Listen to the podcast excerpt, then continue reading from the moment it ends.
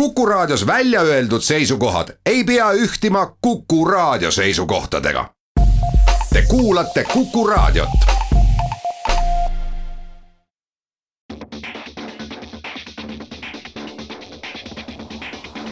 autotund.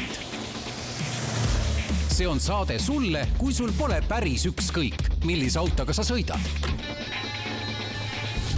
tere tulemast Autotundi, millest täna räägime? räägime sellest, et tuli Volkswagen Golf kaheksa. ja räägime sellest, et Eestis on hakatud väga palju rohkem ostma bensiini üheksakümmend kaheksa ja miks? just, räägime äh, ägedatest nimedest. ja räägime sellest, et Eestis üllataval kombel liikluskindlustuse hind eelmisel aastal langes, kuigi kogu aeg on räägitud vastupidist juttu, et see hakkab tõusma. ja siis vaatame, milliseid kalleid autosid meie registris on. ja kui aega on, siis äh, räägime ka mõnest autost, millega sina sõitmas käisid. Just. Aga alustame siis meie iganädalase rubriigiga, kuna stuudios on äh, Martin Mets ja Tarmo Tähepõld Autogeeniuse portaalist, täna meil külalist ei ole, siis äh, mis oli sinu eelmise nädala meeldejääv sündmus või hetk?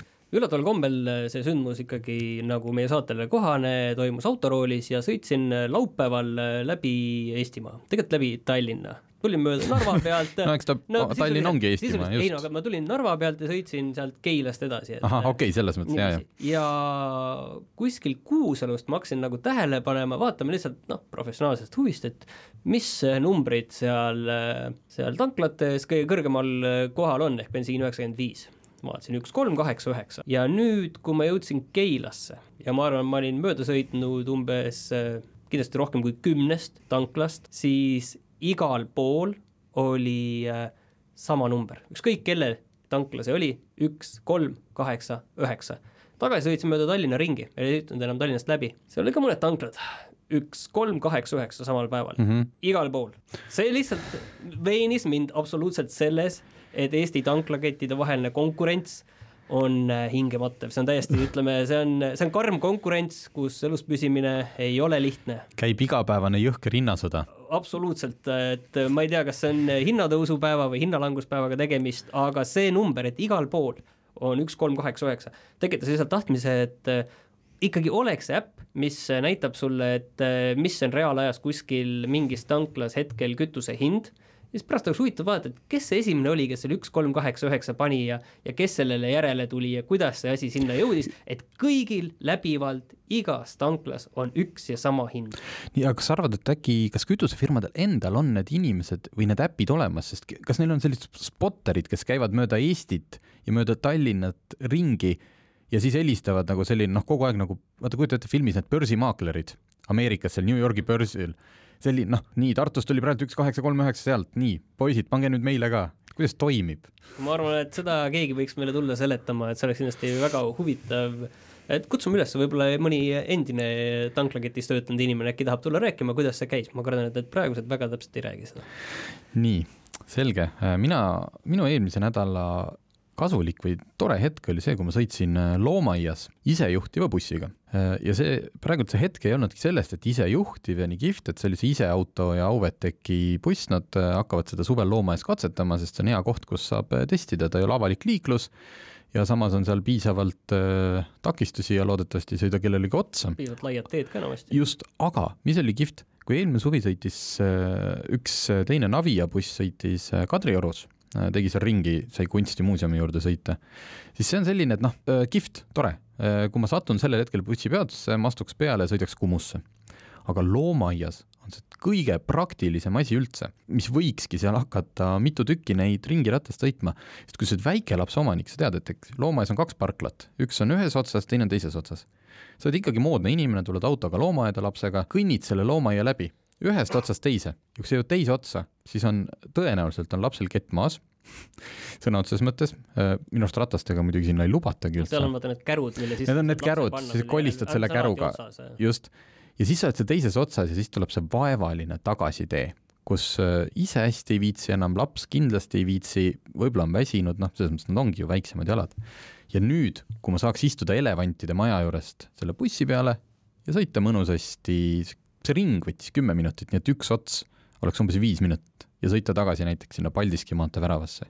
geniaalne. või lähed ise loomi vaatama ja paned lapse sinna bussi peale, selleks ajaks ringi sõitma ja pärast korjate üles, et oli sinul lõbus ja oli tal lõbus. just, et kui te olete nüüd mõelnud, et miks neid isejuhtivaid ja kõike vaja on, siis vot näete, loomaaias on see asi täiesti praktiline, lisaks sellele, et nad saavad ise oma tehnoloogiat testida.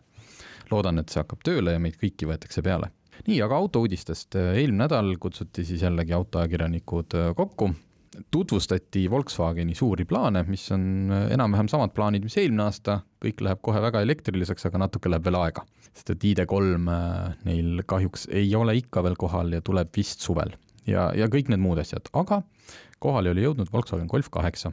nägin esimest korda ise ihusilmaga. ilus kollane Noblessneri kvartalis ja sellega ma praegult noh, enam-vähem lõpetakski, sest et ma tahaks küsida siis, kas midagi on nagu, on midagi seal rääkida ka või? Äh, nii palju on, et nad ise seda reklaamivad, et äh, selline põhiline see läbiv sõna buzzword on digitaalne. mis tähendab seda, et seal tõesti, kui sa istud sisse, äh, ma ei tea, see demoauto, mis seal oli, noh, mis versioon või hinnaklassi auto see oli täpselt, aga tõesti, et füüsilisi nuppe peaaegu ei olegi Nad ei ole koondunud niimoodi, nagu Teslas on, kõik keskele ühele ekraanile, aga nii roolist vasakul olev see paneel, mis tavaliselt ikka on seal, kas tuletõlüli, kõik on olnud mm. füüsilised nupud, ka see on nüüd digitaalne.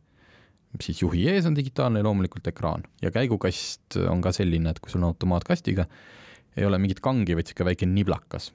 et äh, kui sa nuppe vihkad, siis sa armastad Golf kaheksat ja vastupidi Äh, sõiduproov äh, saabub äh, kuskil märtsis, seekord saime autot ainult vaadata. nii, mm, sealt muuseas sain rääkides ka väga sellist valgustavat infot kogu selle CO2 ja selle suhtes, aga jätame selle saate teisele poole. aga üks auto saabus veel, samamoodi, meile näidati seda kohe, kohe-kohe saab sõita ka no seda näidati ikka muidugi palju efektsemalt äh, Porsche Taycan. seda olen vähemalt mina ka näinud. õige, sina oled seda näinud ju, ma, ma pean ütlema, et meie esitlusel äh, samuti Noblessneris äh, auto kapoti peal küll keegi ei aelenud ja ma, ma olin seal mitte päris lõpuni, aga sellel hetkel, kui mina ära läksin, ei olnud ma näinud veel ühtegi inimest kapotil mm. aelemas, nagu sina. Aga väga efektne valgusshow oli tehtud, see niisugune suur lava ehitatud, kus põrand oli ka LED-id, LED-ekraanid ja et kui inimesed pärast ka sinna lavale said seda autot vaatama, siis nende teatud kohtades, kus sa astusid, siis jala alt ka tulid need nagu elektrivälgud äh, sellised yeah.. auto oli kihvt, väga jättis sümpaatse mulje. kõik tundub olevat väga-väga-väga võimas. mis sind midagi üllatas ka selle juures või äh, või miski tundus just niiviisi, et ahah, miks see, kuidas no,, miks see nii on? no nii palju üllatas, et äh, nende autodega, see Porsche Taycan, kes on neid pildi pealt, siis ta ei näe esimese hooga välja kui maailma kõige ilusam auto. noh, need esituled ja kõik, aga koha peal õnneks sai siis veenduda, et tegelikult näeb täitsa äge välja. just, just see tagaosa on niisugune, ta on neljaukseline, aga ühesõnaga, ei ole võimalik, et sa selle auto ajad segamini Panameraga et kui kellelgi tekib mure, et ta on nüüd tellinud omalt Taycani ja kas ta ikka on piisavalt silmapaistev, siis on küll. kindlasti ei noh, see, kes ajab selle Panameraga sassi, see ajab Panamera sassi ka Toyota Corollaga ja nii et selles mõttes on okei okay.. aga no seal oli kaks versiooni väljas laval või noh, siis seal saalis, üks oli see Turbo S ja teine tavaline Turbo ja Turbo S-is oli ka hinnakiri niimoodi seal kinda laekas. noh, baashind baashind pluss veel nipet-näpet. no kuhu läks ära? kakssada kaksteist tuhat. Mhm. mis on selles mõttes ikkagi päris raju hind, sellepärast et kui ma käisin hiljuti ju siin ähm, vaatamas uut Bentley Flying Spurri, mis hakkab kahesaja kuueteistkümne tuhande juurest ja noh, see on ikkagi luksusklassi auto, kus sul on need äh, käsitsi õmmeldud istmed ja kõik see, et siis saad aru, et Taycanil see tehnoloogia ja see arendustöö on olnud päris suur, mille sa kinni pead maksma kliendina. aga eks me anname selle hinnangu siis, kui sõiduproov on tehtud. Äh, nüüd teeme ühe pausi.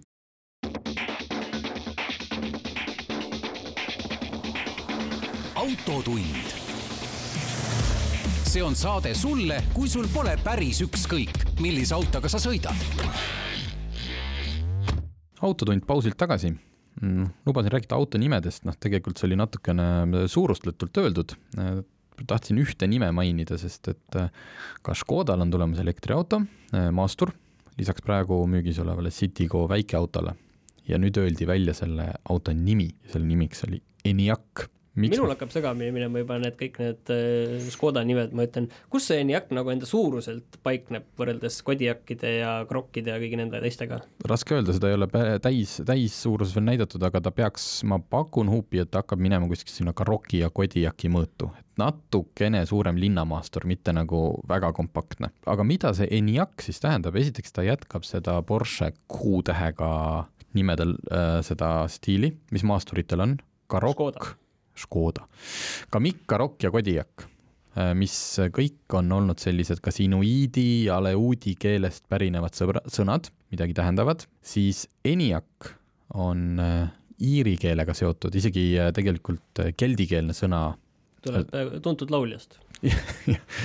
jah, iirikeelsest nimest Enia, mis omakorda tuleneb keldikeelsest sõnast eitene ja mis tähendab nagu essence, spirit, selline põhiolemus, eluallikas. Ja nüüd elektriautod hakkavad siis E-tähega, ENIAC ja Kodiak, aga nüüd ma olen siin tead, pikalt sellest ohkan praegu niiviisi, kui ei ole kuulda, aga ei, ei, see on kihvt, sellepärast mulle meeldivad sellised nimed, ärme nüüd siin Škodale keskendu, hoopis rohkem kui mingi A6 või CHR või LCD, noh, mis asi, Kodiak, ENIAC, Portofino, Chiron, Aventador, hoopis lihtsamini aru saada, lõpuks isegi see inimene, kes autodest midagi ei tea, tal mingi äge nimi jääb ikka meelde. ma arvan, et kõik Škoda inimesed teavad, mis nende auto mudel on ja pooled äh, teiste autode ma nimesid ei nimeta, omanikud ei mäleta, mis tal oli seal, kas see CRV või ma isegi kirjutasin eelmine nädal CHR-i valesti artiklis läbivalt, sest mul oli meeles läinud, kus see sidekriips asub. nii. olgu, aga räägime nüüd asjast, nimerent on läbi, jah. aga räägime nüüd asjast, millest kõik äh, saavad aru, mida kõik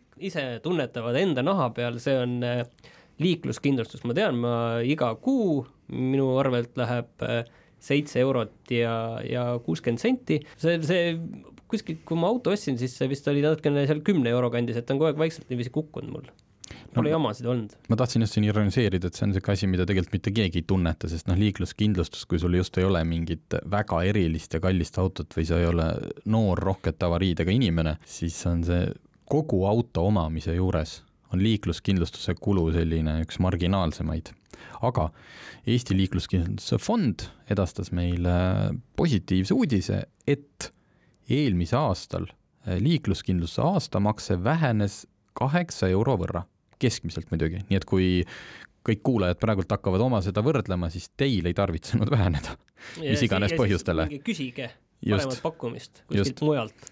Aga et kui alles hiljuti me ju sinuga ka imestasime selle uudise üle, sest et alles hiljuti kindlustusseltsid äh, kurtsid, et nad äh, sisuliselt töötavad kahjumiga ja kindlustuse hinnad lähevad tänu sellele või selle tõttu, et autod on kallimad, hästi palju elektroonikat, väike esiosa kõks tähendab seda, et sa pead võib-olla seal välja vahetama hunniku andureid ja keskmise auto hind on ju kogu aeg vaikselt nüüd äh, tõusnud. just, et räägiti, kuidas liikluskindlustuse hind tegelikult noh, hakkab tõusma, siis kuigi kindlustatud sõidukite arv jätkas kasvamist ja suurenes ka kindlustusjuhtumite arv, siis äh, kas ma ei tea, konkurents või? mina loodaks ka, et see on konkurents, sellepärast et tegelikult siin vaata sarnaselt kütusele pakutakse väga ühetaolist toodet, et see, mis on liikluskindlustus, see on igal pool üsna üheselt fikseeritud, et see kaskol sa võid teha palju rohkem erisusi, et eh, mida ja kui suures eh, hulgas on ju kompenseeritakse.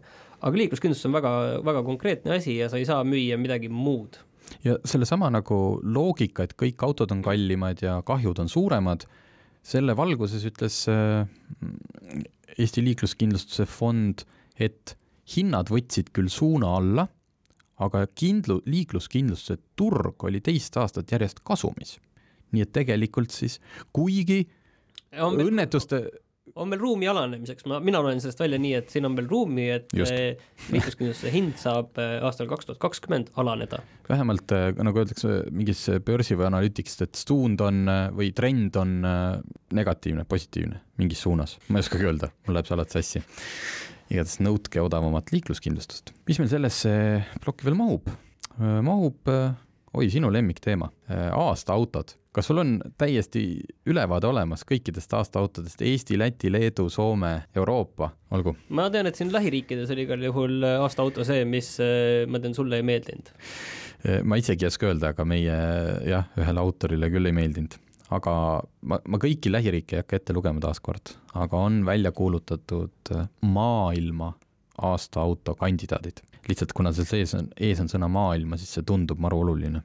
Äh, seal on palju selliseid autosid, mida meie turul ei müüda, ma neid ei hakka ette lugema, aga kümne finalisti hulgas on näiteks Mazda kolm, Eesti aasta auto, siis Mazda CX kolmkümmend, mis noh, sisuliselt natuke kõrgem Mazda kolm, äh, kaks Mercedest, CLA ja GLB, ka sellist võrdlemisi tavalised autod, nii-öelda Mersu valikus, mitte midagi nagu luksuslikku ja eksklusiivset ja kaks Volkswagenit, Golf ja T-Cross, T-Cross on äh, kõige väiksem linnamaastur.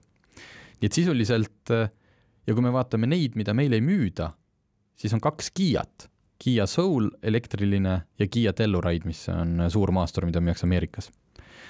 ja siis on veel Land Rover Evoque, nii et sisuliselt, või Range Rover Evoque, nii et sisuliselt on nagu top kümnes on üks, kaks, kolm, neli, viis, kuus erinevat marki ainult mõnedes autofirmades on äh, Aga suur pidu. midagi saab sellest järeldada ka või on seal nagu mingi, mingi laiem mõte ka sellel asjal või ei ole või, või mis me sellest arvame? no me arvame seda, et mina, mina äh, ütlen kohe, et mina ei oska nagu sellest suht midagi arvata. selle järgi me arvame seda, et linnamaastur jätkuvalt maailma tasemel rokib, sest et kuus tükki nendest on äh, vähemalt linnamaasturid. nii, ja selle saateploki lõppu vaatame veel ma ei ütleks, et vaatame eestlase taskusse, ütleme rahakotti, aga, aga piilume tema garaaži. tegin äh, ülevaate äh, sellest Eesti hästi suurest tabelist, kus on kirjas, mis autosid meil on üldse registris, mitte uusi, eelmine aasta. kas sind huvitab, mitu Ferrarit on Eesti registris? no ütle.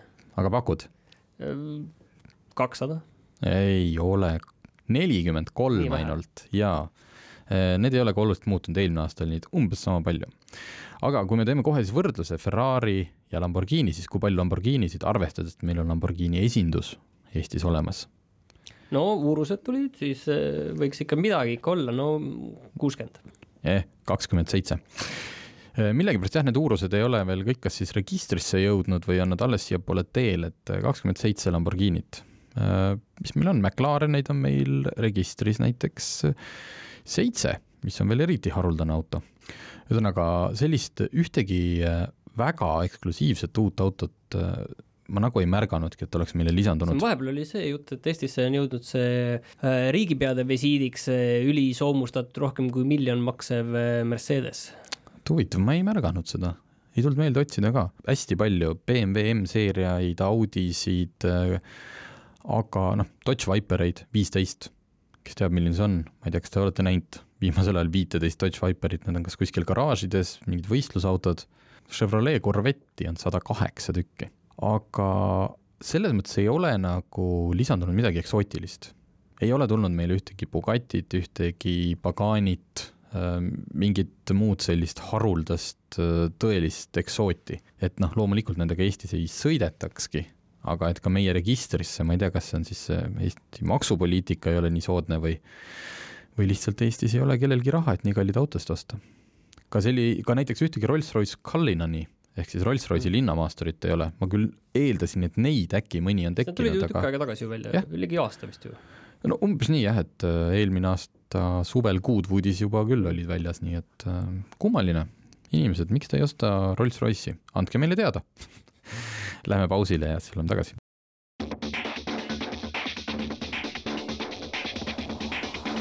autotund. see on saade sulle, kui sul pole päris ükskõik, millise autoga sa sõidad. autotund on tagasi.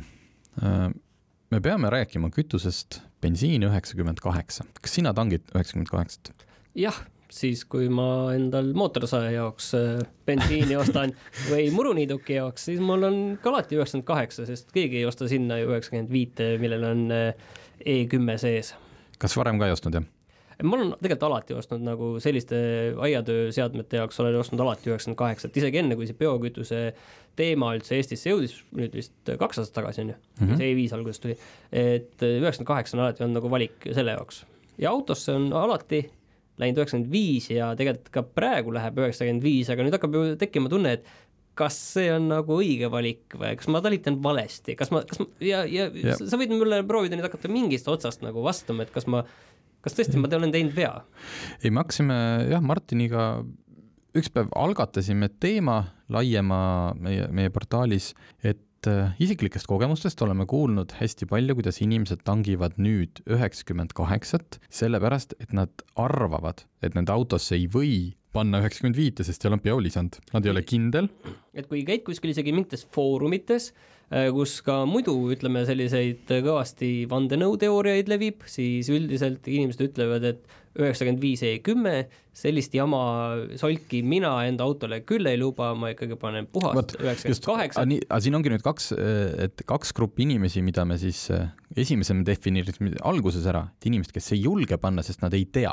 Neil, neil puudub nagu isiklik selline maailmavaateline, et üks on solk ja teine ei ole, vaid nad on lihtsalt kuulnud, et neile ütles oi-oi-oi, nüüd see enam ei sobi ja siis ta nagu ei, ei ole leidnud kindlat vastust ja tangib igaks juhuks üheksakümmend kaheksat, mis on teadupärast kallim.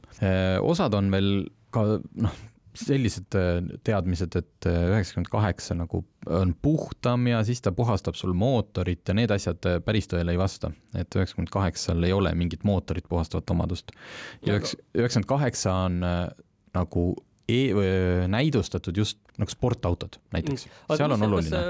mis auto arvab nüüd sellest, et kui ma panen üheksakümmend viite või üheksakümmend kaheksat, kui palju tal on tegelikult nagu vahe sellest mm,? enamikel autodel ei ole seda, kas su auto võib või peab sõitma üheksakümne kaheksaga, kindlasti ütleb sulle su esindus, kui sa oled tõesti nii murelik inimene. aga enamjaolt on kõige hullem, noh, mis saab juhtuda, et see lihtsalt see auto on nii peenhäälestatud ja ta ei oska selle üheksakümne kaheksaga noh, midagi rohkemat või kuidagi teha, et ta lihtsalt, sa paned kallimat kütust, mida ta kasutab sama palju kui üheksakümmend viite. nii et midagi halba juhtuda ei saa. tänapäeva autodes tundus, mul tunduks minul juba see, et äh, kuskil äh, seadetes paned mingi nupukese, et äh, või auto saab ise aru, et nüüd on üheksakümmend kaheksa, siis ta krutib ise mingeid seadeid natukene ümber ja jah, et siin nagu universaalset nõu anda, et tehke nii või tankige seda, on hästi raske, sest iga auto on erinev, aga üheksakümmend kaheksa jah, ei, ei tekitas autole küll vähemalt ühe, kahe, kolme, neljakordsel tankimisel mingit probleeme. nii, mina tankisin üheksakümmend kaheksat, sellepärast et minul on selline auto, mis, mille küll juures on selles Maanteeameti tabelis kirjas, mina ei või tankida biolisandiga üheksakümmend viite E10-t. minul oli see põhjus. ühesõnaga, me kirjutasime loo, et inimesed, ärge raisake oma raha, te võite küll sõita selle biolisandiga kõik autod, mis on peale kaks tuhat kümme toodetud, no seal ei ole varianti, et sul see biolisandiga kütust ei tohi panna. ja siis hakkasime saama kommentaare, hakkasime saama kirju ja saime aru, et me oleme olnud oma sellises konkreetses arvamuses ennatlikud, et tegelikult on inimesed täpselt, nüüd jõuame selle teise grupini, kelle sina sisse tõid, äh, väga kindlameelselt ütlevad, nemad seda biosolki oma autosse ei pane, sest seal on lisaks sellele, sada muud häda, on ta kütteväärtus palju madalam ja üheksakümne kaheksaga saab sõita rohkem kilomeetreid. vot selle kütteväärtuse, et ta on madalam, sellest me oleme rääkinud ka varem, sellepärast et äh, see on selge, et selle biolisandi kütteväärtus ei ole päris sama, mis on siis äh, bensiinil puhtal. Ja, aga see vahe on olnud ikkagi suhteliselt äh, marginaalne, et ta ei ole nüüd mingi suur vahe, et on umbes niiviisi äh, noh, mõned sendid sinna saja kilomeetri kohta, et niiviisi natuke, natukene, ma olen arvanud, et see on niivõrd noh, marginaalne vahe, et see ei tee tasa seda, et üheksakümmend viis, üheksakümmend kaheksa on kallim.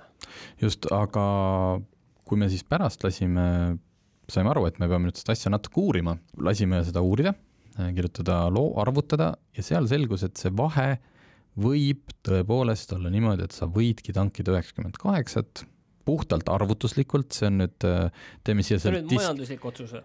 Jah, see on majanduslik otsus, et me teeme siia selle disclaimer'i, et see ei ole praegult teaduslaborites äh, suletud tingimustes testitud asi, vaid see näit-, arvutuslikult just nende kütteväärtuste pealt, mida on kütusemüüjad ise öelnud, et kui palju on tavalise kütusel ja kui palju on etanoolil ja siis, kui sa võtad, et noh, kümme protsenti on seal etanool, noh, Exceli tabel, arvutused, ja see näitab, et tegelikult kui inimene tangib praegult üheksakümmend kaheksat, siis ta rahaliselt sisuliselt ei kaota.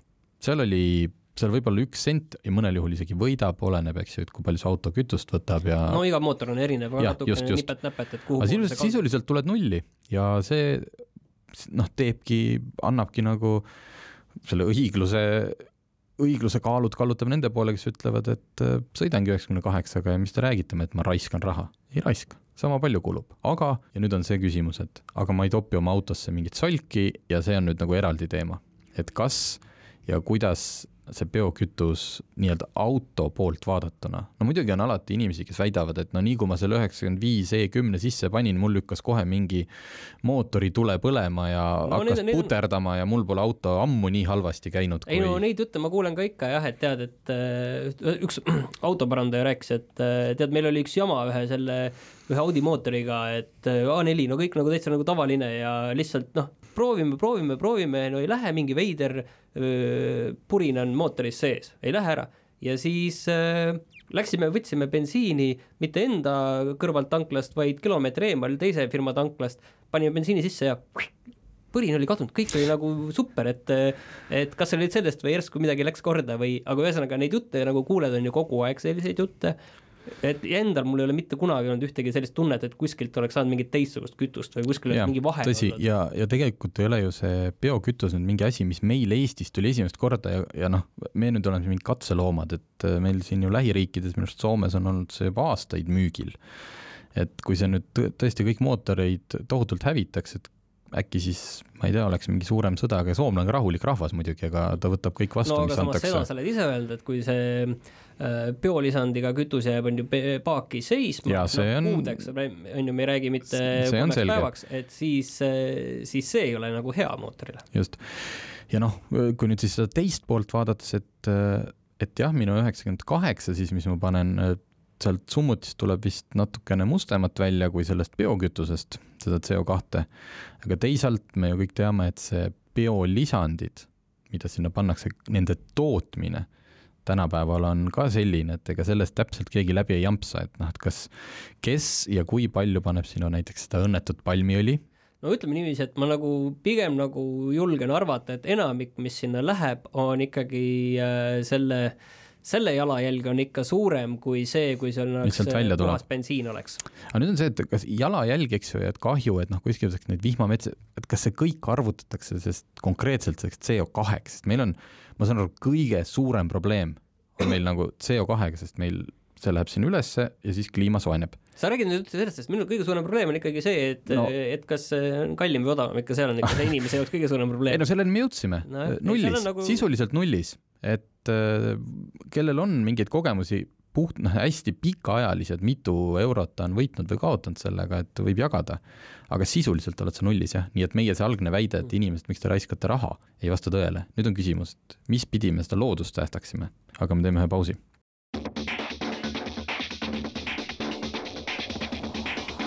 autotund see on saade sulle, kui sul pole päris ükskõik, millise autoga sa sõidad. räägime veel natuke sellest üheksakümne viiest, üheksakümne kaheksast. et äh, kui me sinuga jälle omavahel arutades arvasime, et noh, päris, päris mitu inimest käib tankimas. et äh, aga noh, see ei saa olla ju väga suur kogus inimesi. ja kui me võtsime välja Maksuametis ühe tabeli, küsisime või saime omale, et mis näitab äh, tanklate jaemüüki, bensiin üheksakümmend viis ja üheksakümmend kaheksa. aastast kaks tuhat seitseteist kuni kaks tuhat üheksateist on meil numbrid olemas kuude kaupa. ja see näitab nüüd ikkagi väga, noh, väga selgelt, äh, numbreid niimoodi raadios kuulata on äh, keeruline, aga äh, proovige, kaks tuhat seitseteist müüdi kakssada kaheksakümmend seitse miljonit liitrit üheksakümmend viite ja kakskümmend kaheksa koma seitse miljonit liitrit üheksakümmend kaheksat. kümme korda oli nende kahe kütuse vahe. kaks tuhat kaheksateist hakkas vaikselt kaks tuhat kaheksateist oli siis see aeg, kui tuli E5 müügile. just, vaikselt hakkas see kütuse biolisandi jutt pihta ja tegutsemine. vahed kakssada kuuskümmend kolm miljonit liitrit, bensiin üheksakümmend viis ja üheksakümmend kaheksa, nelikümmend miljonit liitrit. no enam ei ole kümnekordne vahe. enam ei ole kümnekordne vahe ja kaks tuhat üheksateist lõpu seisuga, siin detsembri numbreid ei ole, aga need me panime hinnanguliselt, noh, võrreld-, vaadates mm. eelmiste kuude keskmist, siis üheksakümmend viite on müüdud sada üheksakümmend miljonit, ehk siis sisuliselt sada miljonit liitrit vähem või natuke vähem kui sada miljonit kui kaks tuhat seitseteist ja üheksakümmend kaheksat on müüdud kokku sada miljonit liitrit. kaks ühele sisuliselt. kaks ühele ja kui ma tuletan meelde, et kaks tuhat seitseteist müüdi üheksakümmend kaheksat kakskümmend kaheksa miljonit, siis nüüd on see sada miljonit liitrit. see on rohkem kui kolmekordne tõus, kolm pool kol- korda. kolm pool korda tõusu ja nüüd on küsimus, et kuidas see meie kõik selle CO2 ja selle asjale nüüd siis kaasa aitab, et kui meil nagu üheksakümmend viis on läinud nii-öelda põletama peaks puhtamat asja, siis seda ostetakse palju vähem kui seda üheksakümmend aga võib-olla see toimib niiviisi, et me ei kasuta seda palmiõli ja muu jamaga tehtud äh, E10-t jah, ja võib-olla me kokkuvõttes äh, liigume õigel teel, aga lihtsalt siin on, selles mõttes on ikkagi väga huvitav, et see üheksakümne kaheksa kasutus on ikkagi niivõrd plahvatuslikult kasvanud. Ja peale selle noh, et selle üheksakümne viie oma on samal ajal ikkagi noh, kolmandiku võrra kukkunud. aga nüüd on veel üks küsimus, millele meil hetkel ei ole vastust, et kumma kütuse pealt kütusefirma rohkem teenib nagu per liiter no jae, jaemüügist, me, me räägime praegult jaemüügi andmetest. aga kõige selle juures on kõige huvitavam veel, mis meil läheb edasisele analüüsimisime, analüüsimisele, et tegelikult on kahe aastaga üldse kütused, nende bensiinide tarbimine langenud äh, väga korralikult. Need koondnumbrid kahe kütuseliigi peale äh, oli kaks tuhat seitseteist kolmsada viisteist miljonit liitrit siis äh, kaks tuhat üheksateist oli ta juba mingi kakssada üheksakümmend. et meie, kas nüüd on see, et autod, kas inimesed sõidavad vähem? Eh, vaadates ringi, ma ütleks, et ei, ei, kas autod kas autod kulutavad vähem? võib-olla jaa. Hübriidid, eks ju, noh, ütleme hübriidid ja gaasiautod natuke koos midagi mõjutavad, elekter kindlasti mitte.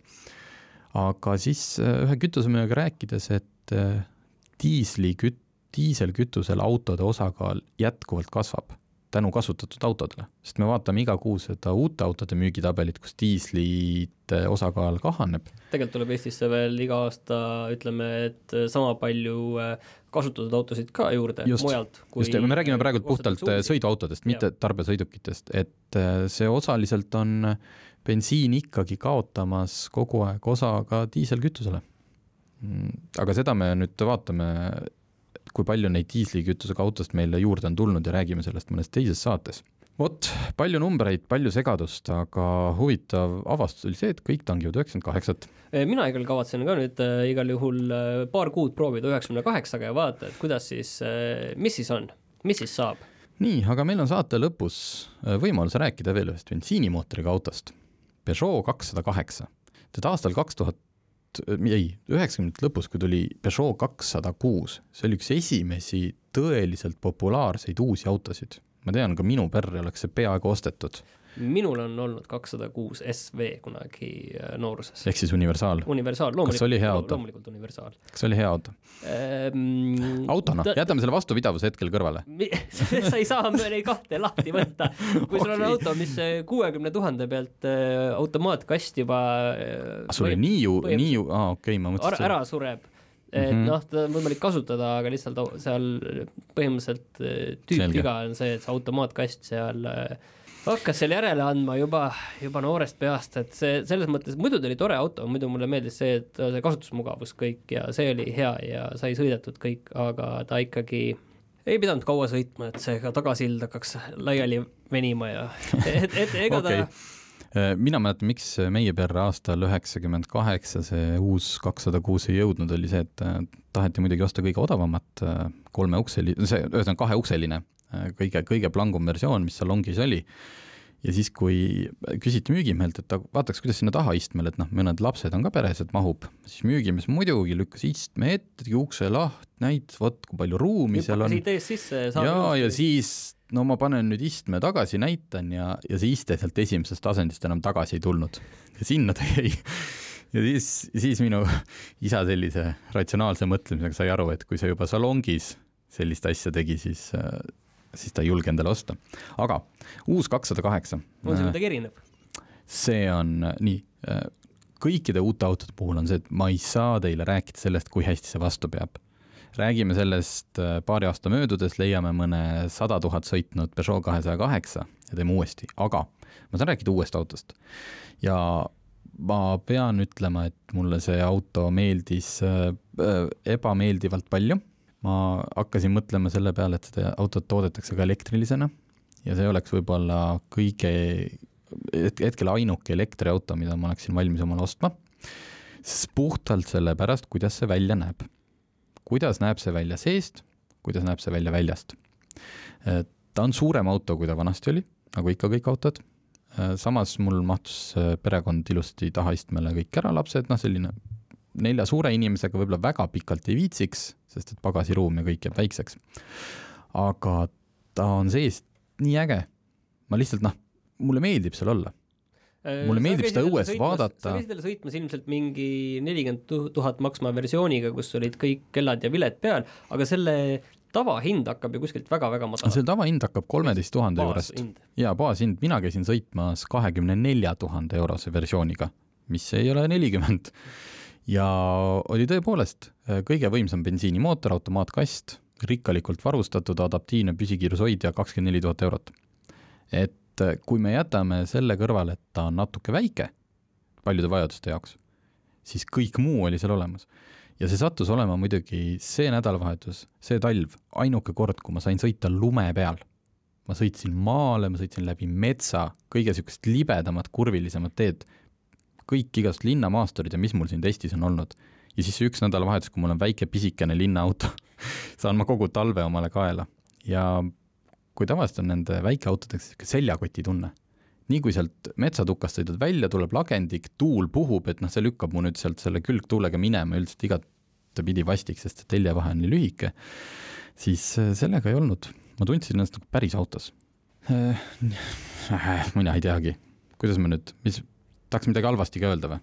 no viisaks oleks, selles mõttes, et äh, me siin no. alguses juba lõime sellise sellise fooni, fooni et... sellele olukorrale et.... ei, midagi ei juhtunud, äh, katki ta ei läinud. see on, seda ma pean tõdema. Äh, kütusekulu muidugi, sest noh, sada kolmkümmend hobujõudu ja eks sa siis tahad sellise hobujõudude arvuga natuke ka seda kasutada. noh, mina ei tea, elektriauto võtaks vähem kütust ta võttis selline seitse, peaaegu kaheksa suutsin seal kätte saada see on päris kõrge ikka. see on päris kõrge ja jama et äh, minul kui vanasti, vanadel headel aegadel oli see kakssada kuus, see oli ühe koma kuuene mootor, kaheksakümmend üks kilovatti, sellega ikka maanteel rahulikult sõitsid viis nõksa peale, et äh, no sa ütlesid maanteel ja rahulikult. No.. ma, ma sõitsin metsa vahel ja mitte rahulikult, oleksin peaaegu katki sõitnud ühe kitse, sellepärast et oli nii libe sellisel hetkel ei päästnud mitte ükski auto, sest sa vajutad selle piduripedaali põhja, sa kuuled seda ABS-i ragisemas ja sa lihtsalt loodad, et see kits otsustab sealt liikuda. et ta ei vahi sulle enam suurte silmadega otsa. see, kuidas aeg jääb seisma ja kui sa vaatad see kitsega tõtt ja sa libised tema poole, see on selline noh, tagasi vaadates oli huvitav hetk, aga mitte nii huvitav, et ma oleks tahtnud helistada Peugeot'sse ja öelda, et äh, see auto ei tule teilt praegult tagasi. muus osas linnaautona ideaalne noh, ma ei oska muud öelda.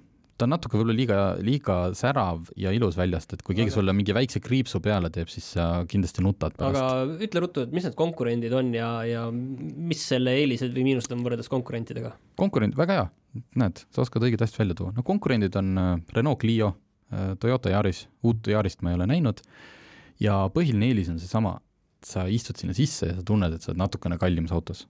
vaid sa, ühesõnaga, et on vaeva nähtud sul on seal, sul on seal ilus olla. Need hetked, mis istud oma Niine tänava ummikus lõputult või kus iganes, kelle koduteele mis ummikud jäävad, siis sa vähemalt ei pea vaatama midagi koledat ja saad olla seal niimoodi mõnusasti. ma lihtsalt ütlen siia lõppu, et üks asi veel, mida ma, seda kakssada kuute, muidu seda kakssada kuus SV, seda ma väga ei igatse, aga teinekord ma käin selle pilti vaatamas internetist, et kakssada kuus SV, et kaks tuhat neli aastat, selle kuju mulle ikka väga meeldis, selle kuju mulle meeldis. käin midagi... pilti vaatamas, väga hea. okei okay., okei okay., üks asi, geniaalne. kõik autofirmad võiksid seda ju välja mõelda, see ei ole patenteeritud teate, mak-, noh, ühesõnaga meediakeskuse all on alati mingi sahtel, kuhu sa üritad oma tänapäevaseid hiigeltelefone kuidagi sudida ja kui sa tahad veel kaarti lugeda, et siis sa üritad selle sinna püsti panna või kuidagi toetada.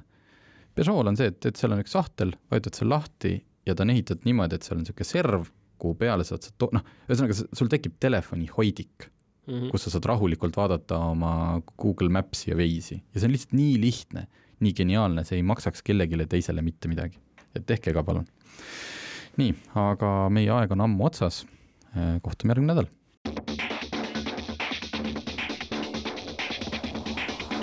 autotund see on saade sulle, kui sul pole päris ükskõik, millise autoga sa sõidad